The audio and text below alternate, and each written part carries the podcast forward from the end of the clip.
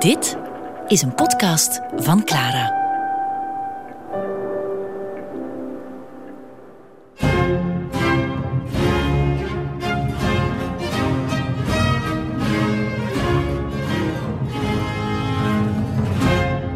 De Zonnekoning met Johan op de Beek.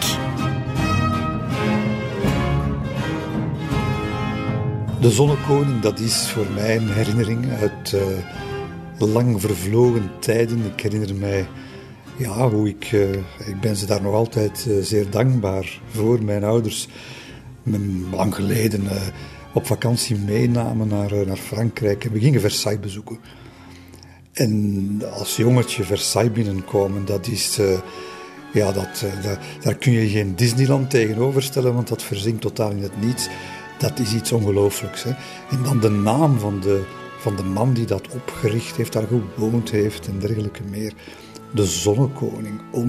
wat, de zonnekoning, dat is iets wat, wat tot je verbeelding spreekt. En tot mijn verbeelding als veel oudere volwassen schrijver natuurlijk nog steeds.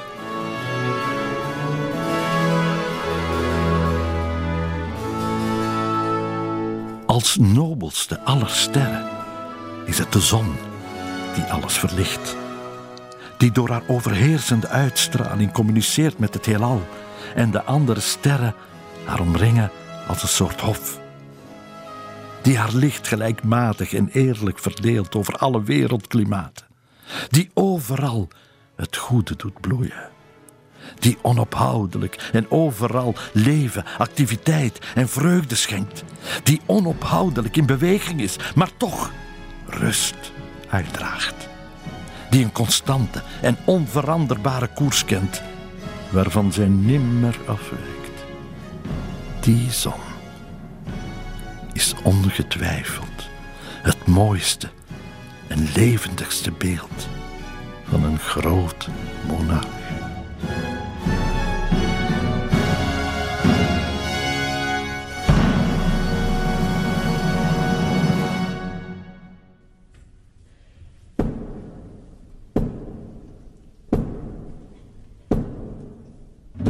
Ja, wanneer je Versailles binnentreedt, dan je kunt er niet naast kijken. Het, uh, het schijnt je overal uh, tegemoet. Dat, uh, ja, helemaal in de zonnekrans omringde gelaat van Louis, verguld en in alle mogelijke formaten, de zonnekoning.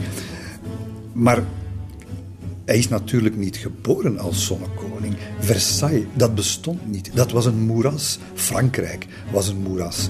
We denken altijd, hè, de Franse cultuur, de literatuur, die glorie en die glans.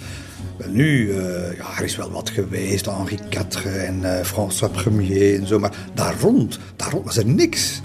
En het is eigenlijk tot die fameuze 17e eeuw dat Frankrijk, en weet je toch wel, we moeten dat zeggen, hè, het kneusje is eh, van, van de Europese naties. Italië is veel, veel glorieuzer. Holland is veel economischer. Zelfs de Duitsers zijn soms beter dan de Fransen in economische aangelegenheden. En er gebeurt daar niet zo heel veel, een paar filosofen.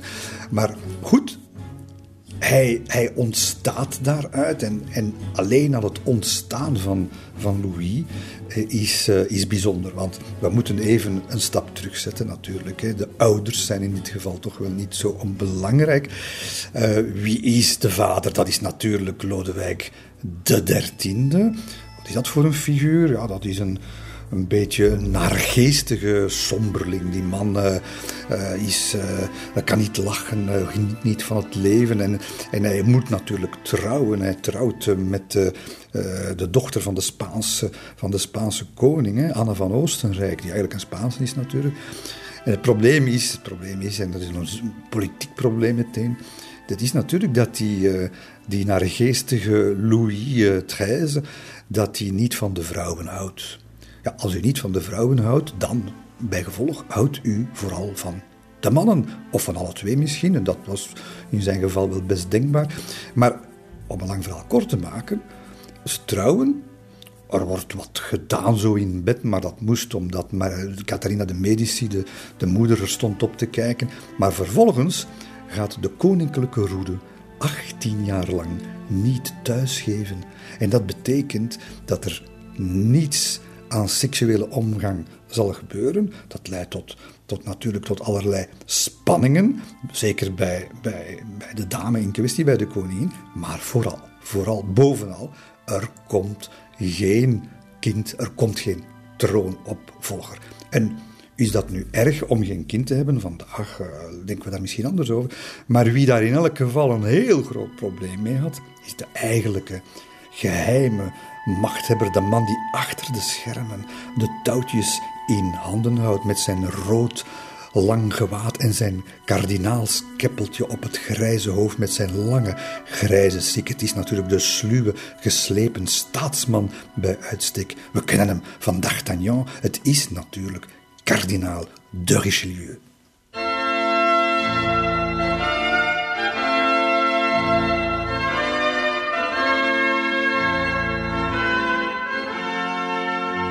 Richelieu is de man die de staat leidt. Richelieu is de man die de staat wil moderniseren. Is de man die een, een nieuw Frankrijk wil omvormen. En is ook iemand die alles en iedereen in de gaten houdt. Met name de koningin, want het is een Spaanse. En laat het nu zo zijn dat ze voortdurend met elkaar oorlog hebben.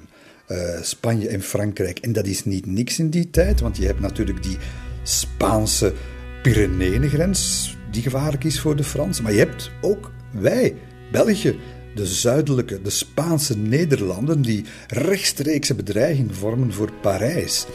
En, en dat is natuurlijk, en dat zal het hele verhaal door blijven spelen, dat is natuurlijk iets wat Richelieu, en bij uitbreiding uh, de vader uh, Louis XIII, gaat bezighouden. Nu, hij houdt die koningin in de gaten, spionnen overal en zo verder. Ja, wat blijkt? Als je natuurlijk nooit met je man kan slapen, dan wil het al wel eens zijn dat u een blik uh, zijdelings werpt op andere mannen en op een zekere dag. Het is eigenlijk Alexandre Dumas die dat een beetje uit zijn context heeft gerukt, maar er is een, een zekere grond van waarheid in. U heeft natuurlijk al gehoord van de relatie tussen de Franse koningin, beschermd door D'Artagnan, en die fameuze hertog van Buckingham. Weet u nog wel, die, die Engelsman. Dat is echt gebeurd. Dat is echt gebeurd. In, eh, op een bepaald moment. Uh, aan de kust uh, gaan ze daar ergens uh, met z'n met beiden verzeilen in een, in een uh, bisschoppelijke tuin. En dan is er een schandaalschrijver. Ja, er bestonden toen ook tabloids. Een zekere Talmant Dereo. Wiens, wiens pen menig schandaaltje aan, het, aan, het, aan de openbaarheid heeft gebracht. En die, die schrijft dus dat Buckingham. ja, er is iets tussen, die, tussen Buckingham en de koningin. En Talmant Dereo meent te weten dat Buckingham, dus die hertog, de koningin van achteren greep en haar billen van elkaar scheiden. Dit is een citaat natuurlijk. En men meent zelfs te weten dat er een kreetje wordt geslaakt, gehoord uit de mond van, uh, van de koningin. We kunnen niet precies zeggen welke aard dat kreetje eigenlijk besloeg. Maar seconden en misschien minuten later snellen de hovelingen natuurlijk toe. En nog voordat iemand echt de ernst van de situatie kan inschatten, is Buckingham uit de bisschoppelijke lusttuin verdwenen. Maar dat verhaal komt natuurlijk aan de oren van Richelieu en aan de oren van, uh, van haar de koning, die ondanks het feit dat hij in niets geïnteresseerd is in het lichaam van zijn vrouw, wel in zijn ego gekwetst. Waarvan dan is dat natuurlijk een, een onmogelijke relatie. Zij beklaagt zich daarover bij, uh, bij Richelieu. Richelieu, god, die man heeft een, een hart van gietijzer, dus die kan, dat kan hem geen fluit schelen, om even in dezelfde beeldspraak te blijven. Maar wat hem veel meer kan, uh, kan schelen uh, onder dat rode kardinaalskeppeltje, is dat zij, dus aan de koningin, dat zij op een bepaald moment betrapt gaat worden op correspondentie. Eh, niet met een Buckingham en niet met de billen bloot. Nee, nee, veel erger. Zij wordt betrapt op correspondentie met het Spaanse Hof. Dat is natuurlijk familie van haar, akkoord, goed, daar kunnen we misschien wel begrip voor. Maar je begrijpt zo'n Richelieu wel als die zegt van, we zijn hier met de vijand aan het samenheuren. En dat wordt maar natuurlijk een schandaal van. Daar gaan huiszoekingen van komen. Er een huiszoeking eh, in haar privévertrek. Een huiszoeking waarbij ze een huiszoeking tot in haar boezem zal plaatsvinden. Op zoek naar brieven en belastend materiaal. Wat een vernedering is dat toch allemaal. En dus dat leven van die koningin is een hel. Um, en op een bepaald moment uh, gaat Richelieu op zijn manier daar toch in ingrijpen. Want, ik zei het u al, het uitblijven van seks betekent het uitblijven van een troonopvolger. En dat is absoluut noodzakelijk. Richelieu heeft namelijk een groot project. Dat Frankrijk, dat is, een, dat is eigenlijk heeft de koning, de monarchie, heeft niks te zeggen. Ah, ze kunnen wel wat titels en zo verder uitdelen, maar het zijn de grands. De grote, machtige edelen in de provincie die geld hebben, die zelfs eigen legers hebben, die delen van de economie hebben, die die miljoenen boeren eigenlijk uh, ja, hun wil opleggen. En zij zijn degene die eigenlijk ja, de macht hebben. En dat Frankrijk is een reus op lemen voeten. En Richelieu wil dat veranderen, wil dat centraliseren. En wil via het, grote, het groter maken van het koninklijk gezag, wil het nieuwe Frankrijk gestalte geven. Je voelt het al aankomen, daar komt natuurlijk een machtsstrijd van je welste van tussen die edelen en, en de kroon. Maar dat moet, hij voelt zich ook ouder worden, Richelieu, voelt zich ook zieker worden. En hij, dat moet voortgezet worden, het is niet af dat werk. En als je geen troonopvolger hebt, dan ziet die Richelieu natuurlijk al dat werk dat hij al verricht heeft gedurende jaren, ja, dat zal voor niets zijn. En dus wat zegt hij? Hij gaat zijn uh, autoriteit laten gelden en hij gaat werkelijk de twee, ja, de, de, twee schuldigen in dat verhaal, de koning en de koningin, is een keer goed de, achter de oren wassen. En hij gaat hen zeggen: Kijk, uh, het kan me eigenlijk niet veel schelen wat er tussen jullie allemaal verkeerd gaat, maar het is wel uw plicht om naar naar bed te gaan met elkaar. Want hier moet wel iets van komen. En liefst een zoon. Hè? Liefst een zoon, want er moet hier een, een nieuwe koning uh, ooit van, van, van komen. En men gaat het nodige doen. Hè? Anna, uh, bedevaarten, gebedstonden. Achtereenvolgens worden Sint Anna, Sint Franciscus, Sint Leonard en Sint Norbert aangeroepen. Uh, hele kloosters gaan daarvoor bidden. maar Gods wil gaat uiteindelijk geschieden. En dat gaat gebeuren. En het is La Gazette, dat is dus eigenlijk de krant in die tijd. Die meent dan ook nog eens precies te weten hoe en wanneer. 5 december 1637, s'avonds. Uh, de, de vorst bevindt zich, uh, bevindt zich in Parijs. Hij is daar in het klooster van de Visitandine. Bleek daar plotseling geweldig onweer los. Geen weer om een hond door te jagen. Laat staan de koninklijke karos. En, en, en dus moet hij, hij kan niet terug naar, het, naar, naar, naar zijn kasteel. En ze gaan dus onderweg proberen te overnachten in kasteel van Saint-Maur.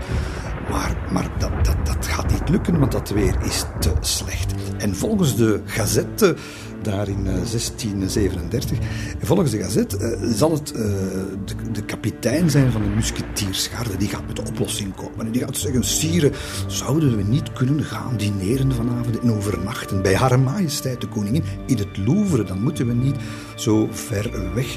En de, ja, de vorst weet niet wat hij hoort, maar ja, er zit niet veel anders op, want de, wegen liggen onder de motter, ze kunnen niet verder. En dus, en dus trekken ze naar het Louvre.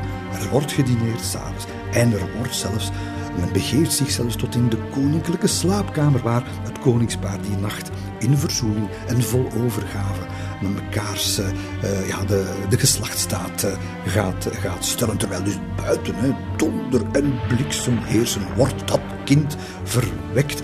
Ook natuurlijk dankzij de aanhoudende gebeden in al die kloosters van Parijs die het allemaal weten. Fantastisch verhaal. Waaruit niet dat er geen jota van klopt.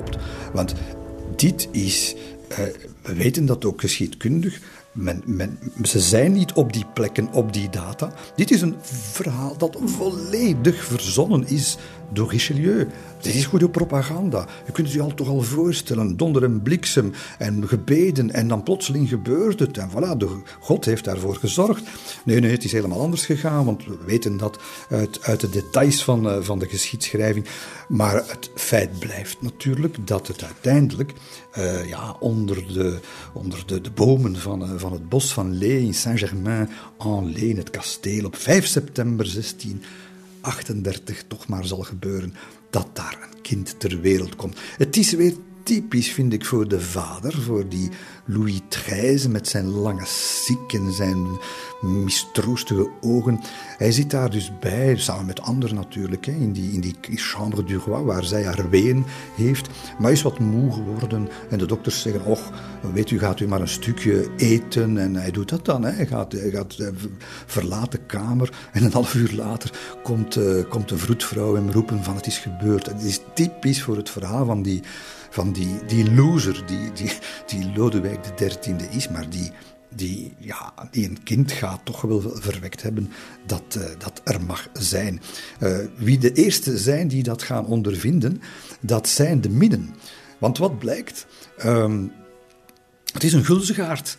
Uh, Dieudonné, zo wordt hij genoemd, de godgegevene, een kind van een paar weken oud, wordt al de Dieudonné genoemd. Maar de minnen die hem moeten zogen, die, die, die kunnen, die weten, ze, moeten er zeven laten aandrukken, want hij zuigt al die tepels kapot. Zo hard, zo, zoveel honger heeft hij. En het is, het is zo erg dat uiteindelijk de ambassadeur van Venetië die gaat zeggen, als dat maar geen waarschuwing is voor het buitenland, al die gulzigheid, ja, dat is, dat is pas in een glazen bol kunnen kijken.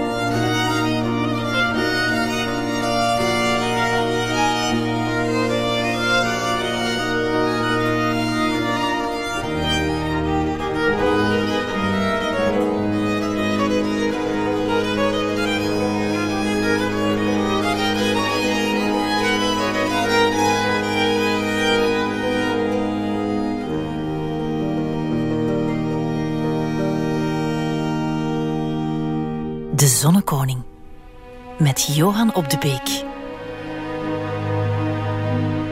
In die eerste levensjaren is de, de relatie met die ouders uh, complex. Uh, want uh, die vader die, dat is, bepaald, die loopt niet echt over van, van vaderlijke goedmoedigheid.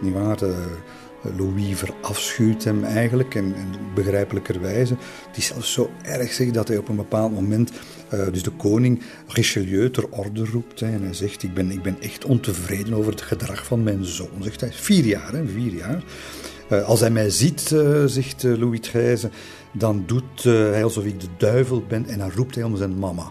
En, en we gaan hem daarvoor straffen. Hè. We moeten hem dringend van onder de rokken vandaan halen. En hij moet dus, vier jaar, Louis XIV, hij moet op zijn knieën vergiffenis gaan smeken aan zijn papa, omdat hij eigenlijk liever bij zijn mama is. Dat soort, dat soort situatie zitten we. Nu, dat gaat gelukkig allemaal niet zo lang duren, want een jaar later sterft Lodewijk de dertiende. En dat is natuurlijk het kantelmoment. Want uh, officieel is nu natuurlijk zijn zoon koning, wat hij in de feite niet kan worden. Hij is nog te jong, dat zal wachten tot 13 jaar. En dus zal het de koningin zijn die regent wordt. Regent, uh, niet makkelijk, want de steunpilaar van, het, uh, van de monarchie, Richelieu, is ook gestorven. Er is uh, concurrentieopkomst, namelijk uh, de neef Gaston d'Orléans, ook al zo'n boef van een edelman, zeg, die, die niet liever zou, zou willen dat, dat die kleine Louis overlijdt, want hij zou dan koning kunnen worden, staat eerst in lijn, vindt dat bijzonder vreselijk dat Louis geboren wordt en vindt het nog vreselijker dat Louis een broertje krijgt, want twee jaar later wordt zijn, zijn broer Philippe geboren, die men later Monsieur zal noemen, dat is zijn officiële titel. Eh, bovendien, het buitenland, dat wringt daar nog altijd mee. De, de adel, die, die, die voelen dat natuurlijk een moment gekomen is met de koning die dood is. En die, die jongen van vijf jaar, waar ze, waar ze de vloer mee kunnen aanvegen natuurlijk. En die, die moeder. En dus het, het, het staat werkelijk op kapseizen, heel die monarchie. Waar daar niet, waar daar niet de vooruitziendheid geweest van Richelieu? Want hij gaat een opvolger aanduiden, nog voor hij sterft. En dat is een van zijn naaste medewerkers, ook een kardinaal. Een kardinaal die misschien nog meer naam en faam gaat maken dan hij zelf. En dat is kardinaal de Mazarin. Mazarin, die absoluut geen Fransman is, maar dat is een Italiaan. Een beetje van ja, moet dat zeggen, lagere komaf, weinig centen, maar dat gaat niet lang duren, want Richelieu, dat was een, een, een perfectionist in het vermengen van persoonlijke financiën en staatsfinanciën, stak zijn zakken vol, en Mazarin gaat die kunst tot op uh, het allerhoogste niveau perfectioneren, uh, corrupt tot en met, maar tegelijkertijd een heel goed beheerder, paradoxaal. Hij gaat heel rijk worden, Mazarin, dankzij, niet alleen dankzij zijn vernuft, ook dankzij ja, iets dat begint te groeien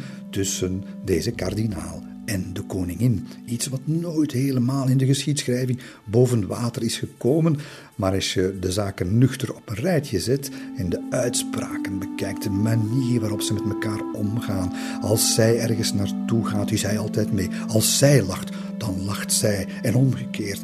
En we weten het ook in de biechtkapel gaat ze op een bepaald moment tegen haar beste vriendin haar diepe gevoelens voor de kardinaal uiten. Daar ja, het gepaste zondebesef uh, bij, uh, bij vermelden natuurlijk, maar dan zeer snel tot de conclusie komen dat dit een relatie is. En dat gaat volgens mij ook uh, het heil worden van Louis XIV, want zonder die bijna onklopbare tanden van die sterke moeder en die vernuftige kardinaal, die hem beschermen, die hem gaan leiden, die hem gaan uh, opstuwen naar het koningschap, was er nooit sprake geweest van de zonnekoning.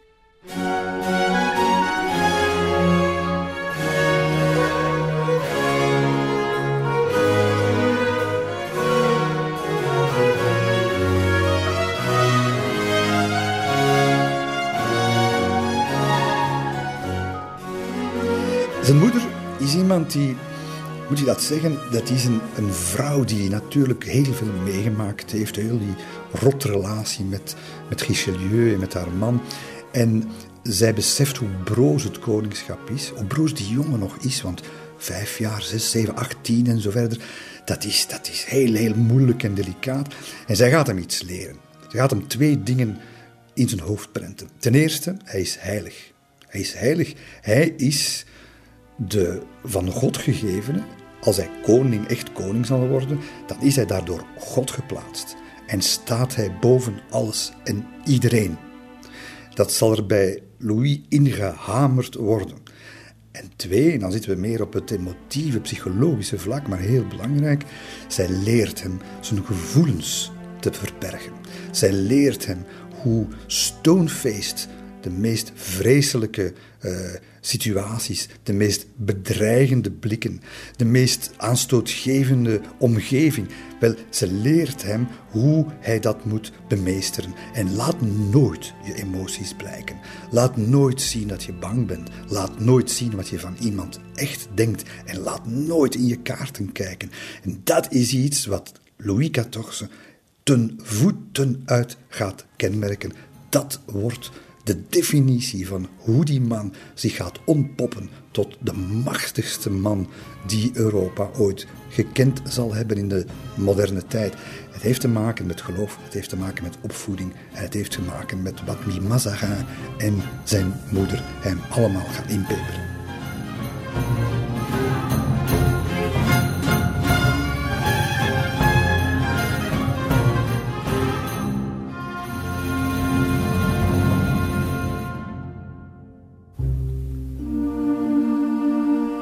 Hoe verlopen die kinderjaren dan verder? Ja, hij wordt natuurlijk opgeleid uh, in allerlei dingen die van pas gaan uh, komen, maar wat je daaruit opmerkt is toch, een, een, heeft, hij heeft niet het warm water uitgevonden. Louis XIV. Hij is niet zo ongelooflijk slim, verveelt zich grap als het gaat over de klassieke vakken en zo. Maar hij is wel sluw, zal ik het zo zeggen. Voelt ook de dingen goed aan. En is vaak heel rebels ook. Uh, met name ten aanzien van Mazarin, de grote mentor. Mazarin, dat is een man, dat is een ongelooflijke persoonlijkheid. Uh, daar hoef je niet direct uh, erg weerspannig tegen te zijn. Dat is een dominante figuur. En hoe meer hij de puberteit zal ingaan, hoe meer hij daar last mee krijgt. En zich tegen verzetten, dat zal, dat zal zeer spectaculaire vormen aannemen. Met name als het over de liefde gaat, maar daarover straks meer. Maar bijvoorbeeld ook met zijn broer, hè, wordt, dat, dat een, van in het begin eigenlijk een toch wel pijnlijke uh, rivaliteit. Ze houden van elkaar, vooral als het in latere leven, maar van in het begin is dat eigenlijk een heel moeilijke relatie. En ja, er is zo'n verhaal ja, dat je echt niet associeert met de koninklijke slaapkamer, hoor. Want het, het is de, de kamerheer, de Laporte, die dat allemaal gezien heeft, die ons de volgende scène eigenlijk heeft uh, nagelaten. Hè. En dat speelt zich dus af in de, in de slaapkamer. Ze waren ergens op prijs, was een kleine kamer met, uh, met een, uh, ja, een kleine doorgang zo. En toen ze Louis en zijn broer Philippe ontwaken, de, de, de ene spuut op, de, op het bed van de andere. Zijn broer spuut terug, spint op de bed van de, bed van de koning, plast daarin, waarop dan Louis zijn uh, gevoeg doet op het bed van, van zijn broer. En dan bij gebrek aan urine gaan ze hun vuisten, hun vuisten gebruiken en ze slaan elkaar een blauw oog. En, en dus de, de kamerheer komt tussen beiden, dat lukt niet. Het moet zelfs de gouverneur zijn, de latere maarschalk de Villeroy, die daar ja, met, het nodige, met het nodige gezag die twee uit elkaar moet halen. En dat is eigenlijk een, een, een typische situatie. Dat wordt een, een, een, rivaliteit. En weet je wat? Dat kan gevaarlijk worden. Mazarin vindt dat, en ook Anna, de koningin, vindt dat gevaarlijk. Want ze weten natuurlijk, en de geschiedenis staat vol van die verhalen, de jongere broer die zijn oudere broer het koningschap benijdt en daar gaat tegen ageren en daar allerlei en misbruikt wordt om het koningschap te ondermijnen enzovoort. En dat willen ze absoluut vermijden. En wat gaan ze doen? Welke truc gaat die dekselse Mazarin uit zijn kardinaals goed toveren? Wel, ze gaan hem verwijfd maken. Ze gaan hem ontmannen. Wat gaat er gebeuren? Die uh, Philippe die wordt eigenlijk, uh, uh, ze gaan alles doen omdat hij een vrouwelijk karakter zou ontwikkelen. Vanaf het vanaf het begin wordt hij gekleed als meisje. Nu, dat is in de eerste vijf jaar normaal, in die tijd. Maar ook daarna wordt als meisje gekleed. En we weten daar, we kennen daar nogal smeuige verhalen over hoor. Want er is een abbé, dus een geestelijke, abbé de Choisy. die zijn memoires te boek heeft gesteld. Dat is de grootste travestiet van de 17e eeuw. Dus die, als het maar even kon, dan liep die in prachtige vrouwenjurken en met de pruiken en geschminkt en zo verder rond. Wel, uh, Abbé de Choisy wordt het speelvriendje een beetje van, uh, van Philippe en ze verkleden zich en het wordt, ja, het, wordt echt een, een drag queen uh, show daar in, in hoffelijke kringen. En dat gaat zo ver gaan, dus die, die, ja, die ontmanning zal ik maar zeggen, of hoe moet je dat noemen, het, het, zo, het zo weinig mogelijk die klassieke mannelijke, in die tijd mannelijke trekken van macht hebben en van iets te zeggen te hebben. Ze willen dat onderdrukken. En het gaat zo ver uiteindelijk, qua tongen beweren dat, maar je bent toch geneigd om het te, geloven dat die Mazarin, de perfide Mazarin, dat die uh, op een bepaald moment Philippe gaat in contact brengen met een van zijn Italiaanse neven, een zekere Filippo Mancini. En dat is een, dat is een notoire pedofiel. En dus u kunt al denken eh, waarom hij dat doet, Mazarin. Dat is niet om, uh, laat ons zeggen, de geestelijke gezondheid van, uh, van de broer van de koning te bevorderen. En ja, dat, uh, dat, dat hele verhaal, dat gaat, dat gaat het hele leven lang van, van Louis nog verder parten spelen. En die, die moeilijke relatie, terwijl ze toch als broers, als broers echt wel een broederliefde hebben voor elkaar het zal voortdurend zo zijn dat Louis zijn broertje wantrouwt en dat de andere voortdurend gefrustreerd zal zijn over het gebrek aan vertrouwen en aan het gebrek aan macht dat hij krijgt. Want hij zal zijn hele leven lang in vrouwenkleren, als het maar even kan, in vrouwenkleren doorbrengen. Uh, en, en ja, het, wordt, een, het wordt de, de, de superhomo van Versailles. Maar hij wil toch wel die macht. Dus wat dat betreft moeten we zeggen dat het psychiatrisch of het psychologisch doorzicht van Mazarin toch wel uh, een beetje te wensen heeft overgelaten.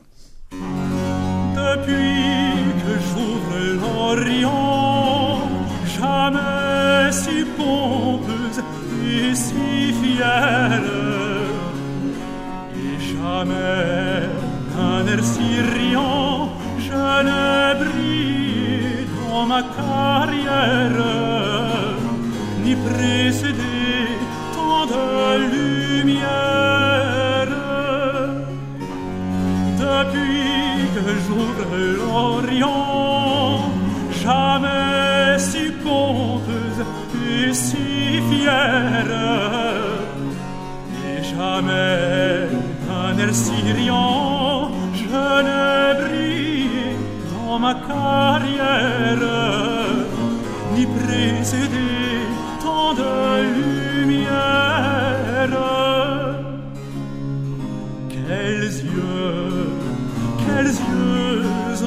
voyant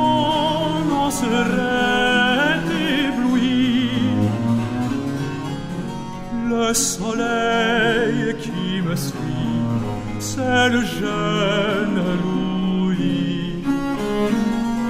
C'est le jeune Louis.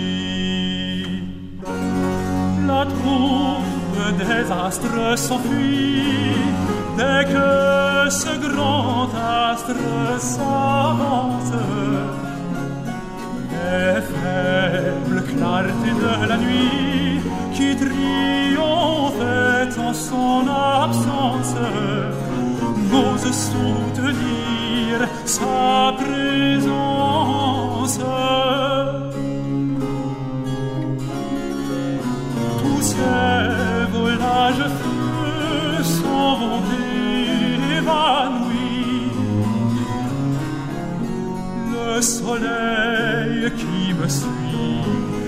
jeune Louis. Jeune Louis.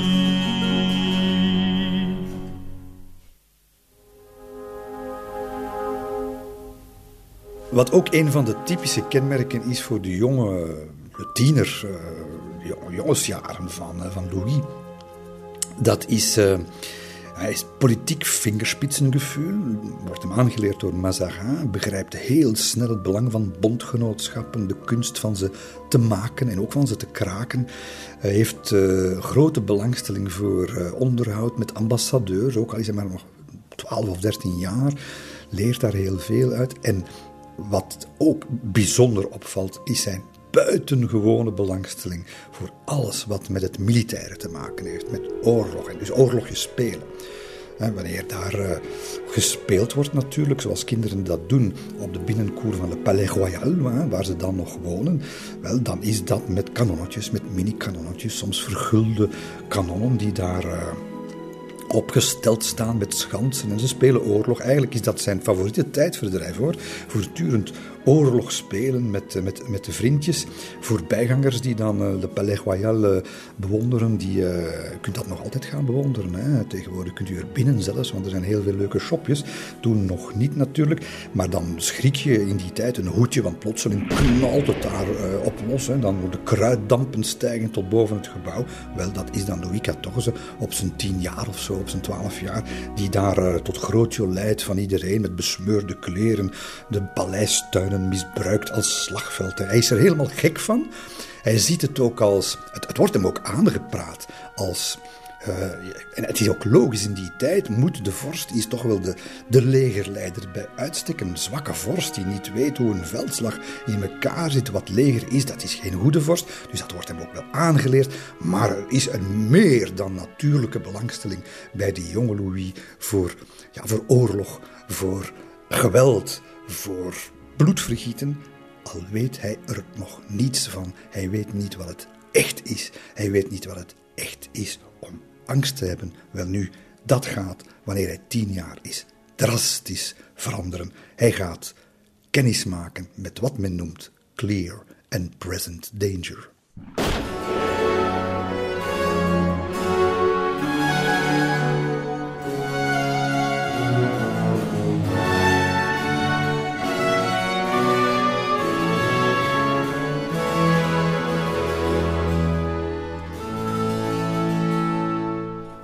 Louis is elf jaar, eh, weet al veel, kent al veel. Eh, en het is Mazarin die hem nog altijd de hand boven het hoofd houdt. Mazarin is de echte baas van het land. Mazarin zet dat project van, eh, van Richelieu verder, tegen de zin natuurlijk van de adel. op dat moment heeft de koning eigenlijk nog altijd zoveel in de pap te brokken als de grote edellieden het toestaan. Ze laten dat ook op gezette tijden eh, voelen. En dat is niet goed. Hè. Er is een wirwar van bestuursapparaten in het land, een wirwar van rechtspraak, heerlijkheden, provinciale overheden. Dat loopt allemaal door elkaar heen. Een verwarring waar natuurlijk die grands, die, die grote, uh, machtige adel, uh, baat bij heeft, maar het land niet. En zeker de monarchie niet. Mazarin gaat daar tegen in, creëert een, een nieuw belastingssysteem begint die adel wat eh, in te tomen, meer te belasten en dergelijke meer. En je kunt al denken, dat gaat op geweldige tegenstand stuiten.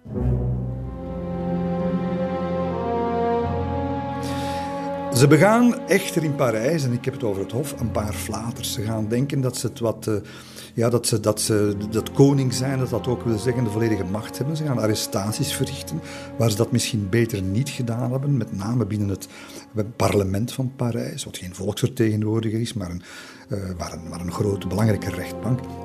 En het volk komt in opstand. Heeft te maken met de slechte reputatie van die Mazarin zakkenvuller. Hè. Uh, heeft te maken met, het gaat niet zo goed, uh, wat eten tekort, hoge belastingen. Dus er is onvrede.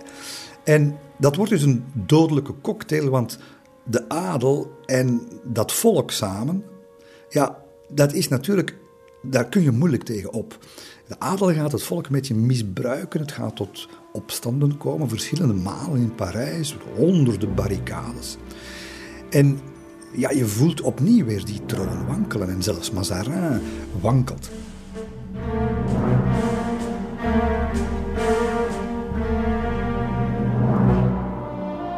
Wat gaat er gebeuren? Die opstandjes worden wel wat onderdrukt. En het leger zal moeten te landen trekken om in verschillende steden zelfs te gaan optreden. En wat gaat men doen? Dat is een slimme zet van Mazarin. Men gaat de koning meenemen. Want het is één zaak om tegen het leger en tegen Mazarin te vechten, maar het is een andere zaak om tegen de koning, de godgegevene, de heilige, te gaan uh, ten strijde trekken. Slimme zet, want wat blijkt inderdaad, heel wat uh, steden doen dat niet, willen niet tegen, tegen de koning ten strijde trekken. En voor Louis is dat een feest. Hij is elf jaar en hij staat daar aan het hoofd van een leger. Het is zijn eerste veldtocht, zeg. Een knaap van elf jaar. Hij ziet ook voor de eerste keer zijn land. Hij ziet daar de bittere armoede, de onvoorstelbare achterlijkheid, de modderpoelen waarin het Franse volk leeft, leert daar veel over. Maar misschien ook niet wat je zou denken, van we moeten dat hier allemaal gaan veranderen, want hij weet ook, of er is hem gezegd van, zo is het nu eenmaal. Hè. Eh, dat is eh, zoals God het gemaakt heeft, hè. dat is dus onveranderlijk. Maar hij weet het wel. Uiteindelijk gaan al die spanningen, en men noemt dat de fronde, dus de, de echte, de fronde, de, het front van uh, een aantal geestelijken, van de hoge adel en van het gepeupel tegen de kroon, dat gaat, dat gaat tot, een, tot een absurd, tot een hallucinant hoogtepunt komen in december. Op de nacht van 9 op 10 december gaat zich in het uh, Koninklijk Paleis een, een, een, scène afspelen. Ik moet zeggen dat ik ze met bijzondere genoegen uh, neergepend heb in, in mijn boek omdat je, je kunt het je zo inbeelden. Wat gebeurt er? Wel, men is van plan om te vluchten uit Parijs. De koning, eh, dus de, de, jonge koning, eh, onder de hoede van zijn moeder en van een paar getrouwen. Uh, hij moet in veiligheid gebracht worden, want de situatie rond het paleis en zo, het wordt, het wordt, echt, het wordt echt gevaarlijk.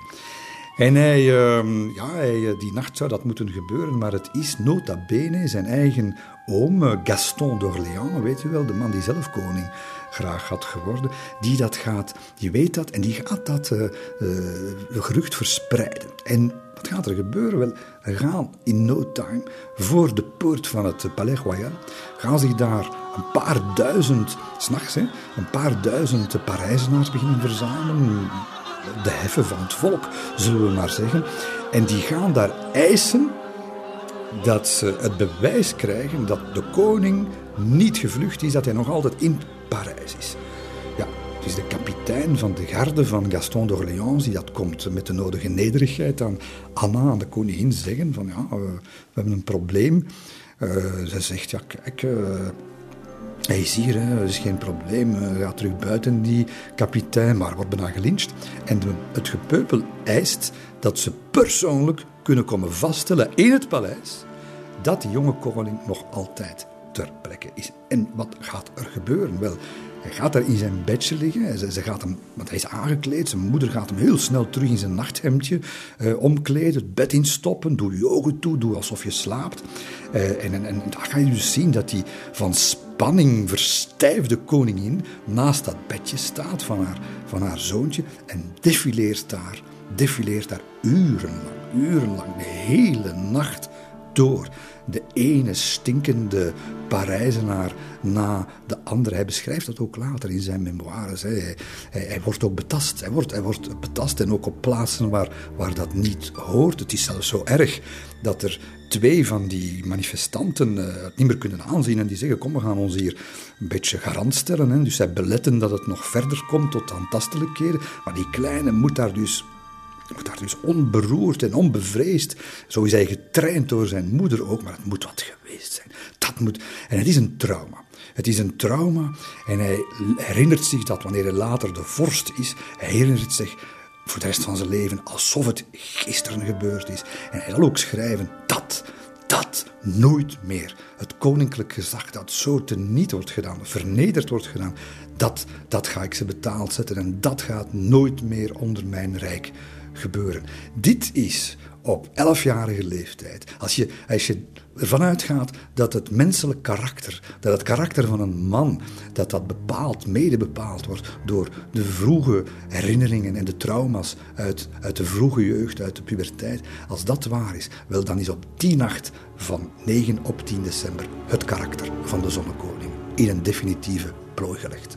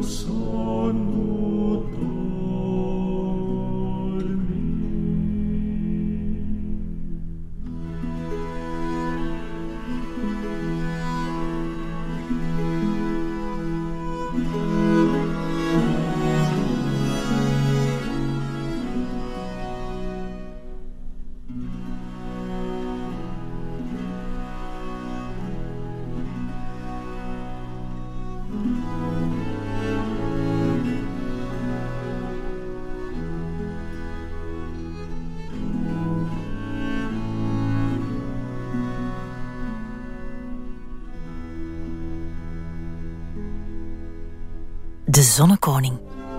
Met Johan op de Beek.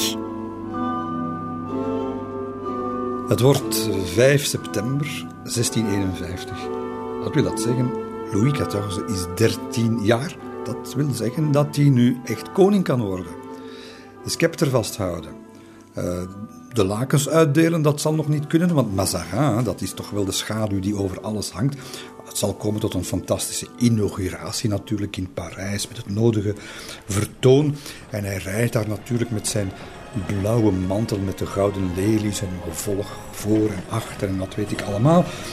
Maar de mensen die hem natuurlijk, en dat zijn er vele duizenden natuurlijk, die hem bekijken, die zien daar toch nog altijd een knaap.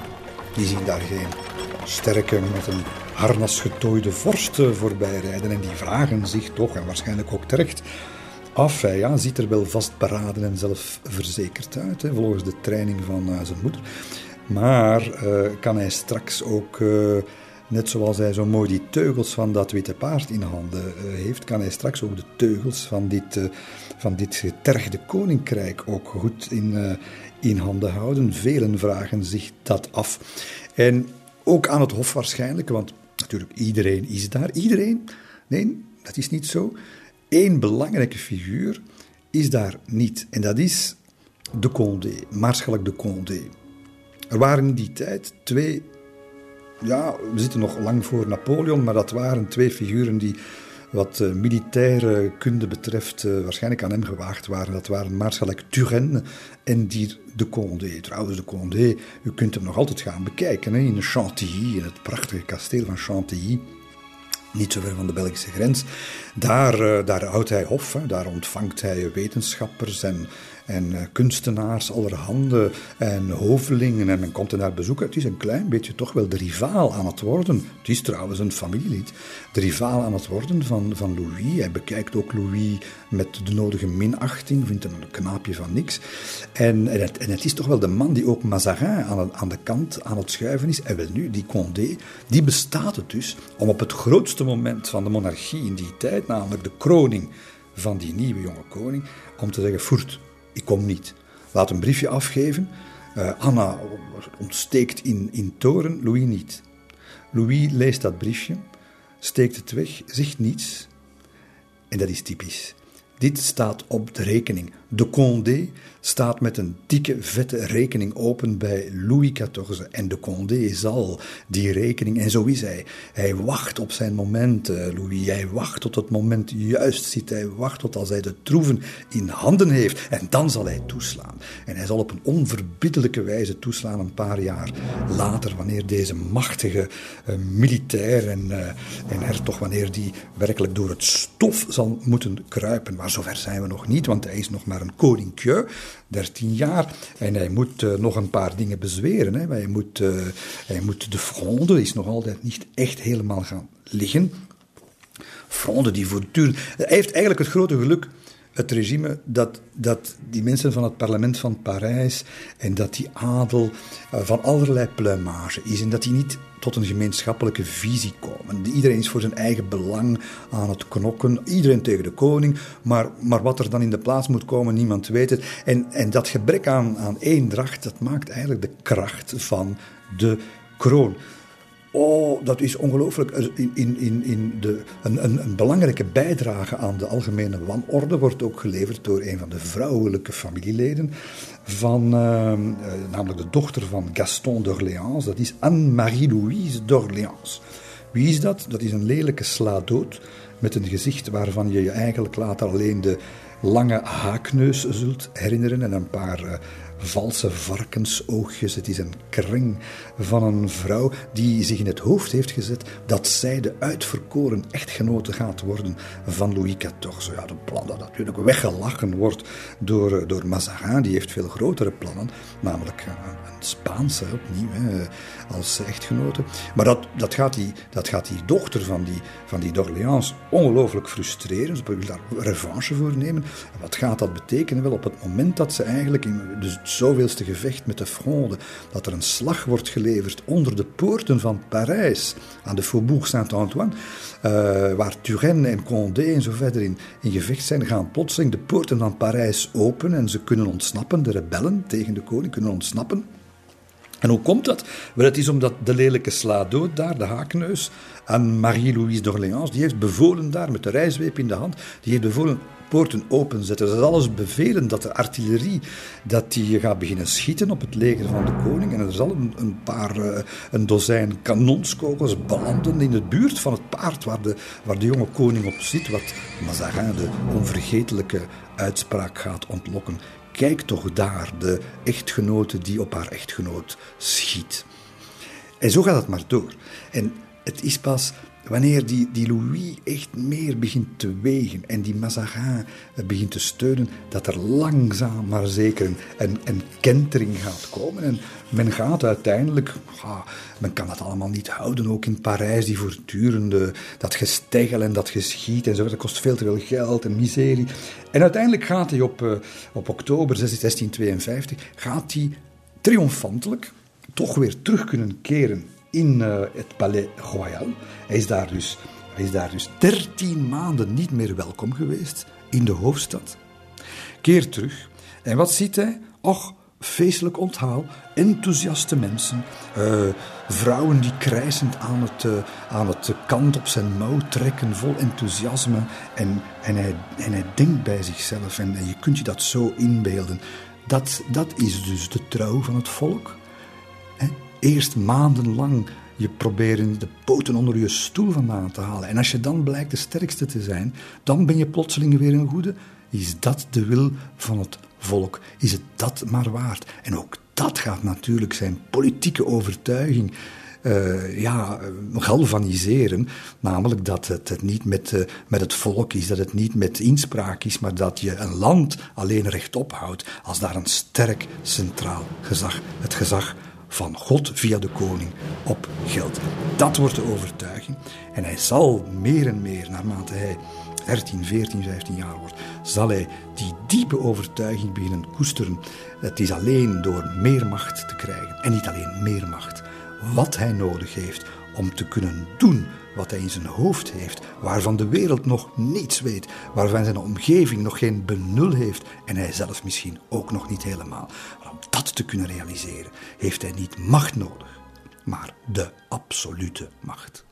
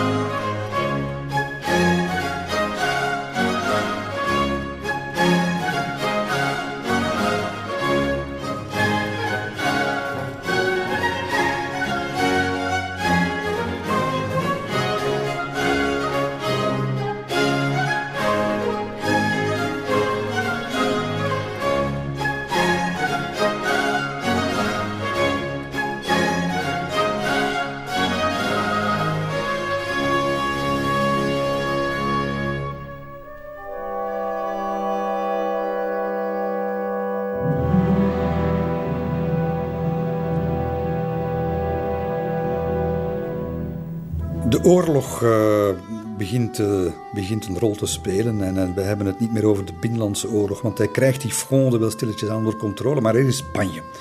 Spanje en in Lotharingen, ook bij Vlaanderen, is het voortdurend wat met de Spanjaarden. En dat betekent dat Louis eigenlijk is nog altijd een jongeling. Hij is nog, een, ja, hij is nog geen adolescent zelfs. Aan het hoofd van de troepen, samen met de besten, hè, met Turenne, gaat het leger leiden.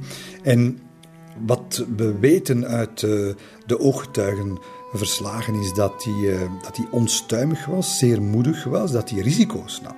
En zelfs zo erg dat uh, Mazarin, wanneer hij dus verslag uitbrengt bij, bij zijn geliefde, de moeder Anne, dat hij zijn ongerustheid daarover uitdrukt. Eh, de, de bijvoorbeeld, Antoine Vallot, die, noemt, die zegt tegen Mazarin bijvoorbeeld, die zegt, het is, een dolle hond, er is geen houden aan.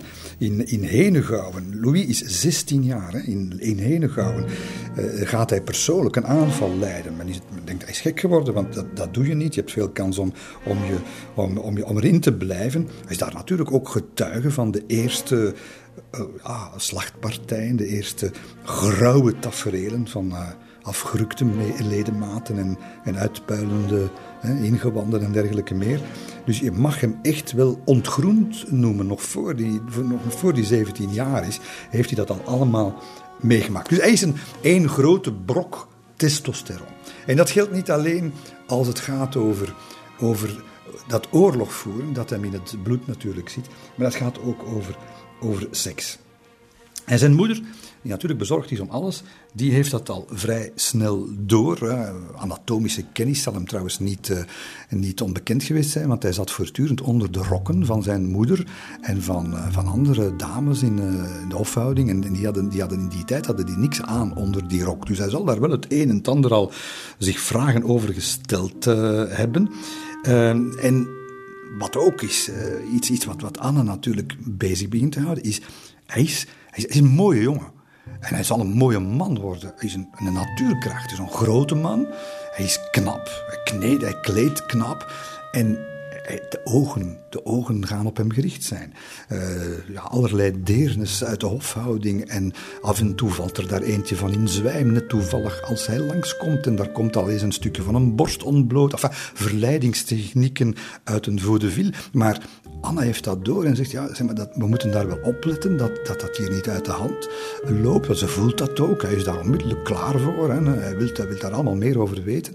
Maar dat, dat, dat zint hen niet, natuurlijk, Mazarin en Anna. Want er moet een politiek huwelijk later van komen en niet zomaar wat gestoei in de marge. En wat gaat zij doen? Het is een, het is een het is een ongelooflijke set eigenlijk. Ze denkt, als ik hem nu eens uh, leer uh, wat seks eigenlijk maar is. En ze gaat hem laten ontmaagden. En ze gaat beroep doen op, uh, op een, ja, de, de, de eer zal te beurt vallen aan een dame die men echt wel een vertrouweling mag noemen van de koningin. Want ze, ze werd uh, vaak belast met het zetten van lavementen bij Anna. Dus dan zullen ze toch wel dicht bij elkaar gestaan hebben, nietwaar? En het is een 40-jarige Catherine Bellier, barones van, van Beauvais, bijgenaamd de Kippige. Waarom? Omdat ze een linker oog heeft dat beduidend in een andere richting kijkt naar de wereld dan het uh, rechteroog. En ze, is nogal, uh, ja, ze heeft nogal rare gelaatstrekken. Dus geen beeld van een vrouw. Maar ook uh, een andere hoofdrolspeler in dat blijspel hier. haar echtgenoot, die vindt dat prachtig allemaal. Want ze gaan van Anna in ruil voor, die de diensten die nu gaan komen, gaan ze een flinke, een flinke beloning krijgen. Nou, je kunt dat trouwens nog altijd zien. In Parijs is er nog altijd een beeltenis aan de gevel van het Hôtel de Beauvais in de Rue François Miron, in de prachtige Marais, een geweldige wijk van Parijs. Daar kun je het beeld van die, van die dame die uh, met, uh, met Louis aan de slag, zullen we maar zeggen, gaat, kun je nog altijd gaan bewonderen. Bewonderen. het is iemand uit het Hof, Primi Visconti, een van de ambassadeurs, die haar, die haar noemt als. die haar zegt, het was een affreus mens.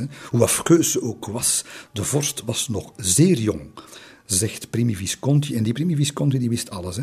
De vorst was nog zeer jong toen ze hem in een uithoek van het Louvre terzijde nam en verkrachtte, of toch tenminste derwijze verraste, dat ze van hem kreeg wat ze verlangde.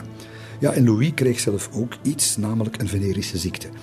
Zeven maanden lang gaat hij te hebben met een druiper, wat zijn dokter, dokter Vallot, volledig voor raadsel stelt. Want die brave jongen, die komt nooit ergens, die leeft in voorbeeldige kuisheid. Dat staat letterlijk in het, in het dagboek, dat van bijgehouden, van, van uur tot uur over de koninklijke zonde. Vallot die begrijpt daar niks van, maar moet uiteindelijk toch ook tot de conclusie komen, onontkoombaar, dat er daar toch iets moet gebeurd zijn. Want eh, ja, dat kan niet ontkennen het is daar nogal druiperig beneden uh, in het koninklijke lichaam.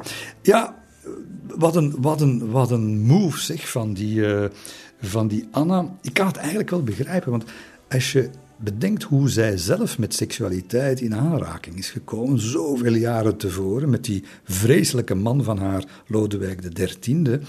Uh, in en plein publiek, nietwaar? Het, de geslachtsdaad moest op bevel van Catharina de Medicis, uh, de koningin, moest daar in het publiek gevoerd worden. Uh, iedereen stond daarop te van iedereen, een aantal hovelingen en de koningin staat daarop te kijken. Dat is nu niet van aard om tot bijzondere prestaties in bed te komen, kan men zich voorstellen. En misschien heeft zij gedacht, dat, dat laat ik mijn zoon niet gebeuren. Hij moet eerst weten wie zal het zeggen? Wie zal het zeggen waarom ze dat gedaan heeft? Nu, als het haar bedoeling zou geweest zijn om hem seks af te leren, wel nu, dan heeft ze een brevet van onvermogen gekregen. Want na de kippige Catherine Bouvet volgt nu een oneindige reeks van jongen. Het wordt zo erg dat ze tralies voor sommige ramen moeten beginnen zetten, want hij sluipt natuurlijk overal binnen. Lucie de la Motte d'Argencourt, Anne-Madeleine de Lille Marivaux en nog vele andere begeerlijke wezens. Het, wordt, het leidt allemaal tot vreugdevolle ontmoetingen, zeer intensief verkeer en een regelmatig ontstoken roede waaraan de dokters aan het Hof nu eigenlijk bijna permanent hun handen vol hebben. Enfin ja, ik moet daar geen tekening bij maken. En dat is allemaal niet prettig voor Anna, dat is niet prettig voor Mazarin, want die, die denkt, zal zomaar een van die Lucietjes of van die Annetjes in zijn geest blijven hangen en dan hebben we een probleem, want dan wil hij daarmee trouwen en dat mag niet. Hij moet politiek trouwen. Wat doet de kardinaal? De kardinaal heeft op alle menselijke, politieke problemen, zij het eh, van geestelijke of van fysieke aard, een antwoord. Wat doet hij? Hij gaat zijn vier eigen, bloedeigen nichtjes op het pad van de koning brengen. Twee eh, daarvan zijn werkelijk Romeinse schoonheden. Het gaat om de zusjes Mancini. Het gaat om, over Marie Mancini, een belangrijke rol gaat spelen. En Olympe Mancini. Dat zijn, eh, men mag wel zeggen, geslaagde natuurproducten. En Mazarin denkt, kijk, we gaan, uh, hij kan die betrouwen, want hij heeft die onder controle. En uh, Mazarin die zegt, al dat jonge geweld gaat dan wel vanzelf luwen en hij zal wel kalmeren. Ja, dan ken je Louis XIV op zijn puberteit helemaal nog niet, nog niet goed. Want daar gaat veel meer van komen dan dan gestoei. Daar gaat echte, echte liefde van komen en echte ruzie tussen de twee mannen die elkaar, naarmate hij de 18 jaar begint te naderen, de macht gaan binnen betwisten. De kardinaal die zich de alleenheerser waant en de jonge koning die weet dat zijn tijd gaat aanbreken.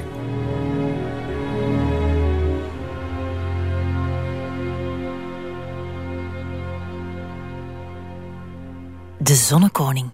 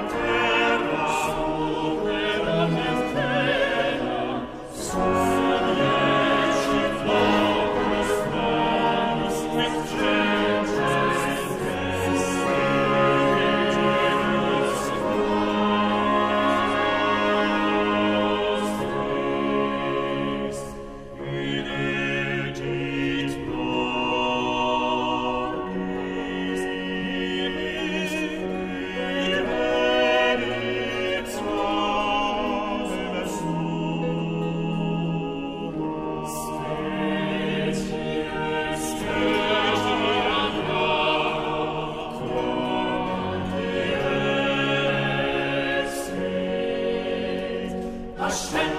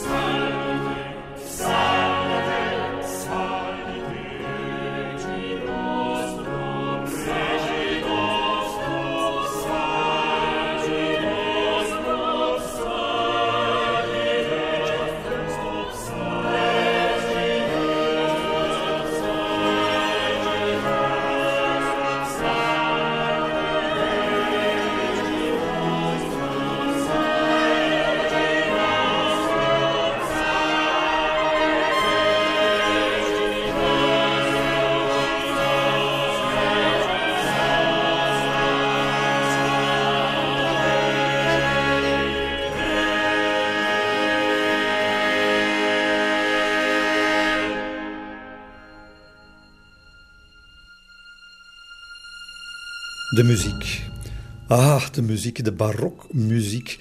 Het gaat een uh, ongelooflijk belangrijke rol spelen in ons verhaal over eh, de zonnekoning.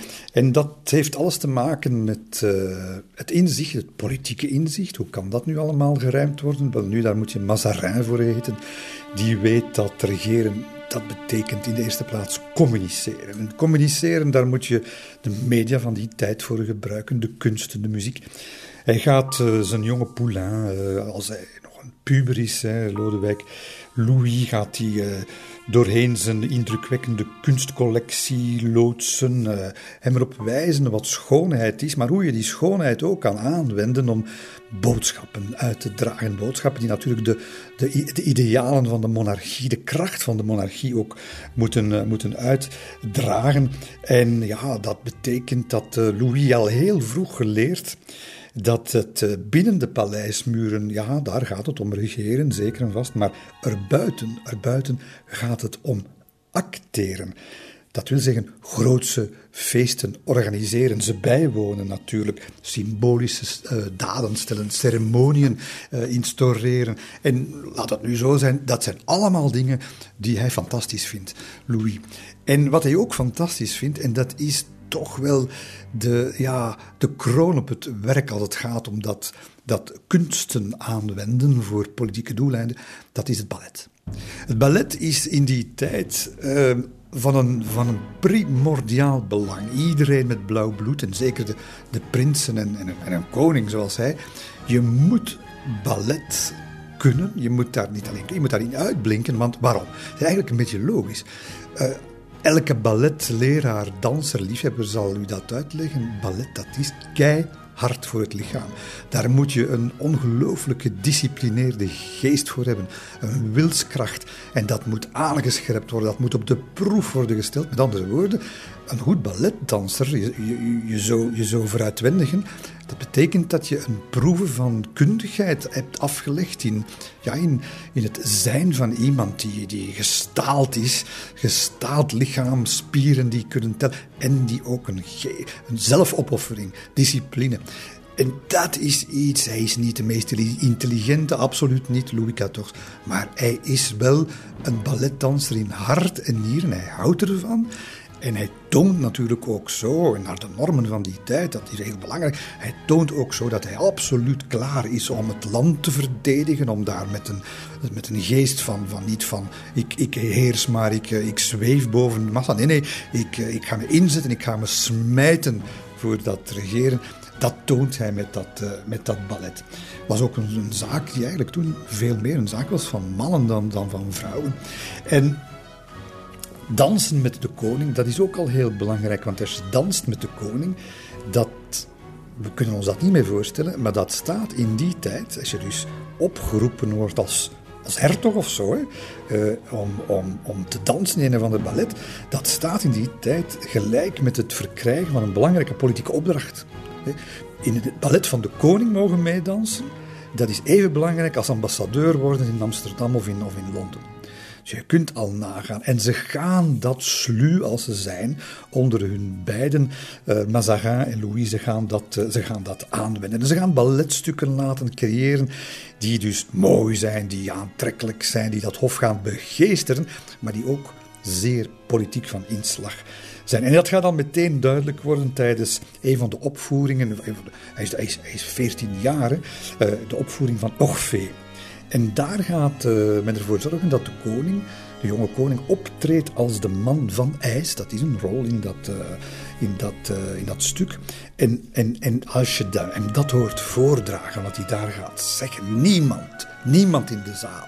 En zeker die, die adel die nog altijd zit te konkelvoezen om die koninklijke macht af te laten brokkelen, ze gaan heel goed begrijpen wat er bedoeld wordt als de man van ijs Louis XIV op dat podium danst en zegt: Reeds boezemt mijn kilte een diepe vrees in. En zie ik niemand om me heen die niet tot in zijn ziel beeft voor mijn koninklijkheid en niet tot ijs versteend uit respect. dat is een niet mis te verstaande uh, boodschap natuurlijk van, uh, van een zeer zelfverzekerde soeverein. En ze beginnen, ze beginnen schrik te krijgen van hem, ontzag, respect. Ook omdat hij steeds meer die kunst van de geheimzinnigheid weet, uh, weet te bemeesteren. Iets wat zijn, zijn moeder hem heeft bijgebracht, maar die Mazarin met zijn kardinaalstreken, die gaat hem dat nog meer uh, aan zijn verstand brengen.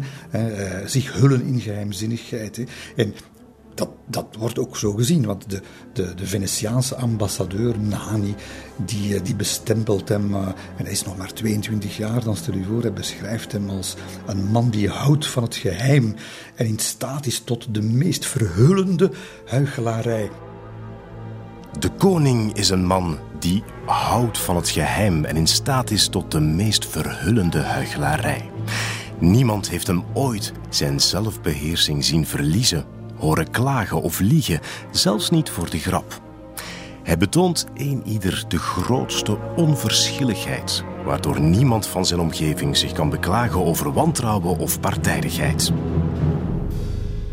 Wantrouwen of partijdigheid. Dus die Louis die begrijpt al heel vroegtijdig dat men ook machtig kan worden door zijn ware bedoelingen te beschermen achter rookgordijnen. En zo mag Mazarin het natuurlijk uh, graag zien. Ondertussen werken ze verder aan dat, uh, dat, ja, dat imago, de imagebuilding van de jonge vorst. En dat gaat zijn beslag krijgen. En ik moet daar een datum bij vermelden, want het is een, het is een absolute historische datum. En dat is een woord dat we niet zomaar gaan gebruiken. Maar 26 februari 1653. Ja, dat is het moment waarop ze eigenlijk, en ik, ik denk dat ze het niet, niet, zelf niet helemaal beseft hebben, de draagwijde wat ze, wat ze dan gaan doen. Maar dan komt er een nieuw stuk in première, gaat er een nieuw stuk in première en dat is de Ballet de la Nuit. De Ballet de la Nuit, dat is eigenlijk, het thema is de overwinning van het, van het goede op, uh, op het kwade. En dus de, de dag is het goede en, en de nacht symboliseert natuurlijk al het slechte. En maand, maandenlang gaat Louis zich daarop voorbereiden, instudeert zich met de choreografie, repetities tot in het oneindige. Hij gaat daar zes verschillende rollen in vertolken, maar, maar de rol die, die alles gaat veranderen, en ik bedoel alles gaat veranderen, dat is de volgende. Op een bepaald moment zijn eigenlijk de, de geesten van het kwade de baas. Het is nacht, de kobolden verschijnen te tonelen. Frankrijk, dat voelt men in de zaal, wordt beheerst door het kwade. Je moet geen Einstein zijn om te bedenken, of Einstein bestond nog, nog niet toen natuurlijk, maar om te bedenken, dit zijn natuurlijk de frondeurs van vroeger, de opstandige adel, die eigenlijk nog altijd in de zaal zitten, nietwaar? Dan gaat plotseling vanuit, uh, vanuit het plafond, zullen we maar zeggen, uh, nadat ze een half uur lang uh, hun kwaadaardigheid hebben geëtaleerd, gaat plotseling een ster uh, uit het firmament neerdalen. Uit een zilveren koets spreekt daar plotseling de jonge broer, twee jaar jonger, twaalf jaar, Philippe, de jonge broer van, van Louis. En die kondigt iets aan, die zegt, wacht maar, zegt hij, er komt iets groots nu, dat alles gaat veranderen. En dan gebeurt het. Hè. En nogmaals, of Mazarin en, de koning echt beseft hebben bij het in elkaar steken van, van de regie van de Ballet de la Nuit. Wat, wat ze dan in gang gaan zetten, dat, dat kun je betwijfelen. Maar het is, de reacties van het publiek gaan, gaan, gaan boekdelen spreken. Want plotseling, dus je komt uit een nacht, die zilveren koets, plotseling gaan honderden kaarsen branden. En daagt daar vanuit, van onder de bühne, stijgt daar op het, uh, op het podium, stijgt daar een gedaante omhoog die volledig in het goud is gehuld. Een gouden pak, gouden veren op het hoofd en een gouden fond de teint op het gelaat. En dan die, dat schijnsel van, die, van al die kaarsen, die dat, dat, is een, dat is de zon. Dat is de zon die verschijnt.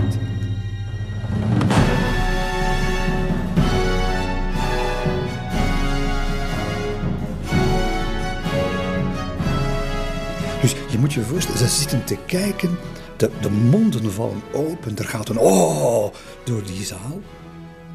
En vanaf dat moment, als ze buiten gaan, totaal van hun melk eigenlijk, van wat dat spektakel allemaal bracht, dan zeggen ze: Ce soir, on a vu le roi soleil. De zonnekoning is geboren.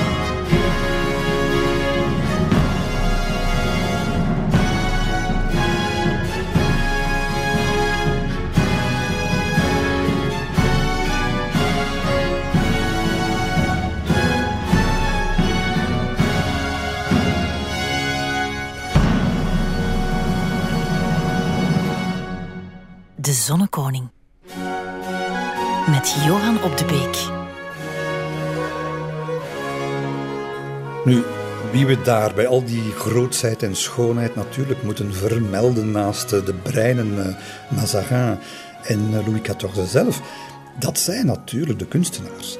Want hier begint ook het moment waarop ze gebruik gaan maken en gebruik maken in de positieve zin van, van de kunstenaars. En laat het zo zijn dat in de, tijdens de repetities van een maandenlang hè, van de Ballet de la Nuit heeft de zonnekoning, zoals we hem nu maar zullen noemen, hè, die heeft daar kennis gemaakt met een kereltje die uh, uit Italië komt. Het is een, een bijzonder getalenteerd iemand, een jonge gast. het is een homo, maar dat, dat trekt Louis zich niet aan. Hij is geen devoot, hij is daar bijzonder tolerant eigenlijk over. En ja, die, die twee kunnen het onmiddellijk bijzonder goed met elkaar eh, stellen. Maar vol charmes, frivoliteiten, Italiaanse humor en vooral Italiaanse métier, savoir-faire, muzikanten, een, een balletkerel. Hij kan alles. Hij kan werkelijk. En, en dat pleit ook weer voor Louis XIV dat hij al heel vroeg, uh, terwijl eigenlijk zijn eigen muziekmeesters en de, de, de kapelmeester en wat weet ik allemaal van het establishment van het hof zeggen van die Italiaan, dat is een, dat is een, uh, ja, dat, is een charlatan, hè, want hij heeft ook geen enkel, hij heeft een onverklaarbare levenswandel. Uh, hij kan geen enkel bewijs van opleiding, muzikale opleiding voorleggen, maar hij maakt een onweergaloze indruk op Louis. Uh, hoe heet hij? Wel, uh, Giovanni Battista Lulli uit Firenze, uit Florence. Wel, dat wordt natuurlijk, dat wordt natuurlijk de man die Louis heel snel zal benoemen tot orkestmeester van het Koninklijk Muziekgezelschap Les Violons du Roi. En men hoeft maar de eerste tonen te beluisteren van een werk als Atis om te begrijpen waarom Louis brood in hem zag en waarom Louis deze jonge Italiaan gaat koesteren en heel snel zijn naam zal laten veranderen in Jean-Baptiste Lully.